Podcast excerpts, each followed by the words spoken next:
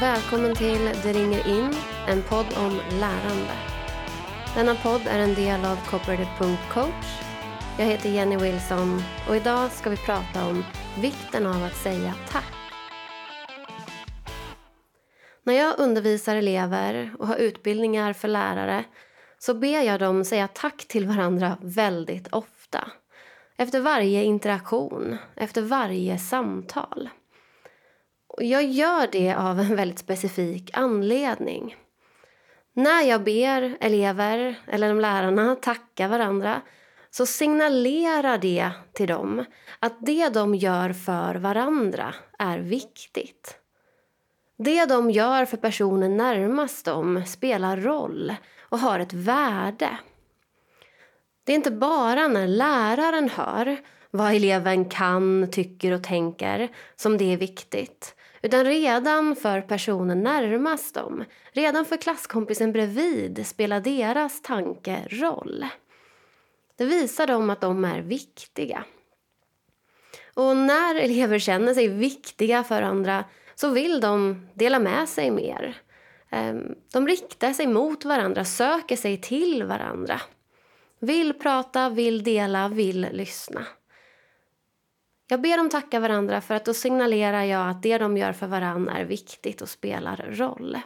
Och vi kan träna eleverna i att visa uppskattning till varandra och där de får syn på varandra på positiva sätt.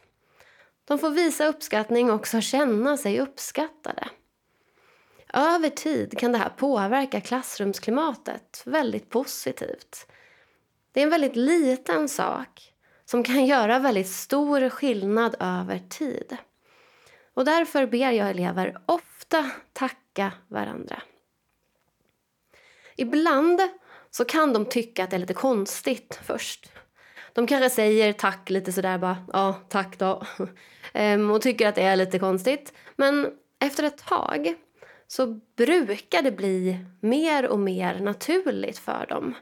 Faktiskt så pass att de själva vill tacka varandra och själva spontant tackar varandra och också påminner mig om att de behöver tacka varann när jag glömmer bort det. Vissa tillfällen när jag har glömt säga säg tack till din eh, axelkompis eller säg tack till din grupp så har eleverna protesterat. Men Jenny, vänta! Du glömde säga att vi skulle tacka varandra. De känner att det är viktigt. De känner att de mår bra av att få tacka sin kompis och av att få höra ett tack från sin kompis.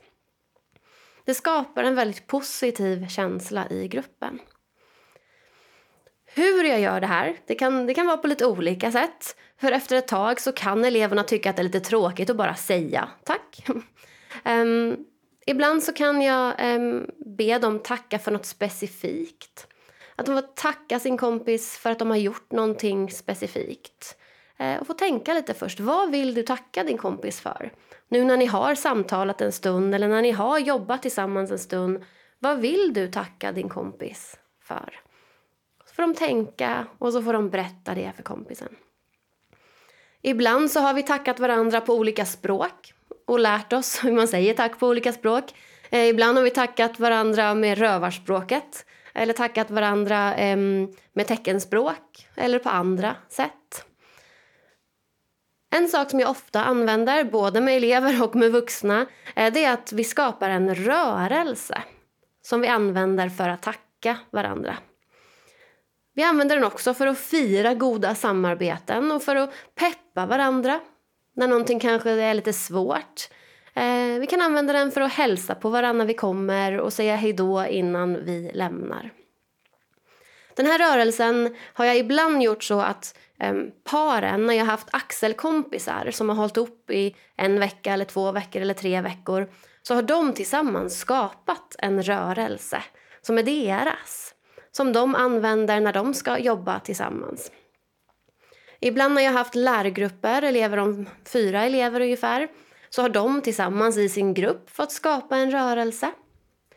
Ibland har jag gjort så att vi har skapat en rörelse tillsammans i hela klassen. Och då kan eleverna använda den rörelsen för att tacka varann oavsett vem de har samarbetat med. Jag har också sett fritidsgrupper där det ju kan vara elever från olika klasser um, göra en fritidsrörelse som de använder på fritids för att fira, för att hälsa, för att tacka och visa uppskattning. Ibland så har jag behövt ha lite regler kring de här rörelserna. Eh, min viktigaste regel, den som är den som jag alltid har med, det är att båda i paret eller alla i gruppen behöver känna sig bekväma med rörelsen. Så jag ber eleverna välja en rörelse som, som alla vill ha. För jag vill inte att någon ska känna att det blir en konstig rörelse eller en rörelse de inte kan eller vill göra. Och med den instruktionen, välj en rörelse som alla vill vara med på. Då riktar sig eleverna mer mot varandra, lyssnar in varandra, frågar, hjälper och stöttar varandra. Så instruktionen där kan påverka väldigt mycket vad som sker. Ibland har jag också gett instruktionen att eh, rörelsen ska gå att göra sittandes. Om det är en rörelse vi kommer använda väldigt mycket inne i klassrummet. Ibland har jag gett instruktionen att det inte får vara några ljud på rörelsen. Eh, och det är i grupper där de gärna vill ha mycket ljud. Då har vi ibland sagt att okej, okay, inga ljud den här gången, eh, men ni får använda ljud om vi gör rörelsen utomhus. Ibland har jag fått ge instruktionen att rörelsen får vara max 10 sekunder lång. För i vissa grupper så har de velat göra väldigt långa rörelseramsor eller nästan hela danser tillsammans. Så då har vi fått begränsa hur lång rörelsen får vara. Men det här kan vara lite olika beroende på elevgruppen du har. Men syftet är att eleverna ska ha ett, ett positivt och roligt sätt att tacka varandra för att bygga gemenskap och en positiv gruppidentitet. Där kan man testa på lite olika sätt och se vad som funkar och gärna bjuda in eleverna i det. Fråga hur de vill göra, vad de har för tankar och idéer. En annan sak som jag har gjort för att få eleverna att tacka varann det är att de har fått skriva tackkort till varandra. Och det här har vi gjort efter att de har jobbat med varandra under lite längre perioder. Kanske när de har varit axelkompisar eh, under ett par veckor eller varit i en lärgrupp i några veckor. Så får de avsluta med att skriva och rita ett tackkort där de tackar sin grupp för specifika saker och så får de ge sin axelkompis eller alla sina gruppmedlemmar varsitt tackkort. Det brukar bli en väldigt fin stund. Eh, och för en del av eleverna så betyder de här tackkorten väldigt mycket. Och efter en termin, efter ett år, så kan de ha en hel låda full med tackkort. Med saker som andra har sagt som är positivt om dem, med saker andra uppskattar med dem och är tacksamma för. En låda full med bevis för att de har gjort bra saker för andra. Och det kan vara väldigt, väldigt mäktigt för en del av våra elever. Ibland så har jag också använt den kooperativa strukturen Berätta mera för att få eleverna att tacka varandra. Det här gör jag ofta som avslutning på fredagar.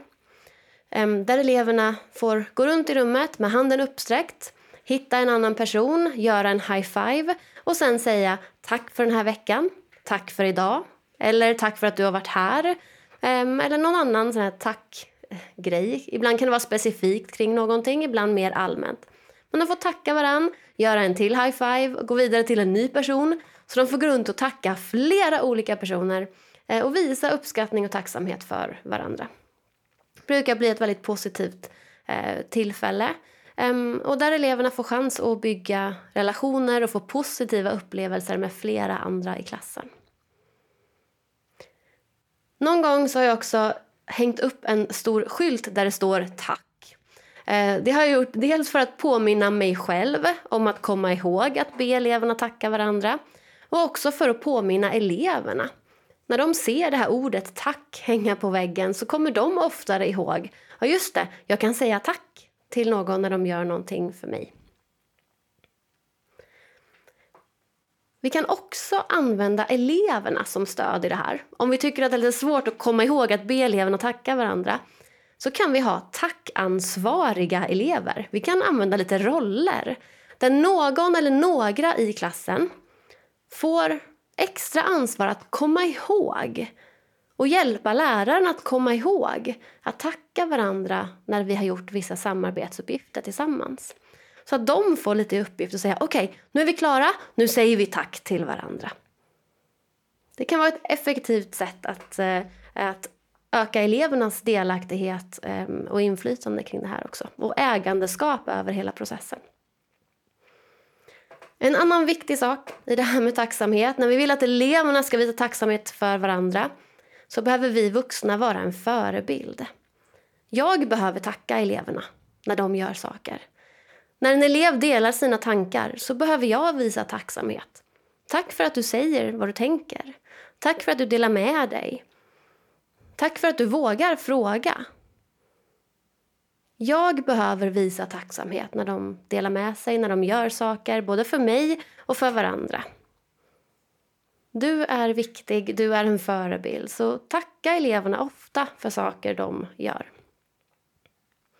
Jag kan göra på olika sätt. Men det är viktigt att jag ser till att eleverna får chans att visa uppskattning till varandra och att de får uppskattning av andra som finns runt omkring. Du ska få en liten utmaning av mig nu. Jag vill utmana dig att fokusera på det här under närmaste en, två, tre veckorna. Fokusera lite extra på att tacka och visa uppskattning. Strukturera hur eleverna kan göra det. Lägg upp en liten plan för hur du vill göra. Du kan använda några av tipsen du har fått av mig i den här podden. Och se också till att du fokuserar extra på att tacka och visa uppskattning till eleverna. Var en förebild. Testa under ett par veckor och reflektera sen. Vad hände? Hur gick det? Har det påverkat eleverna på något sätt? Lycka till! Tack för att du har lyssnat på Det ringer in, en podd om lärande.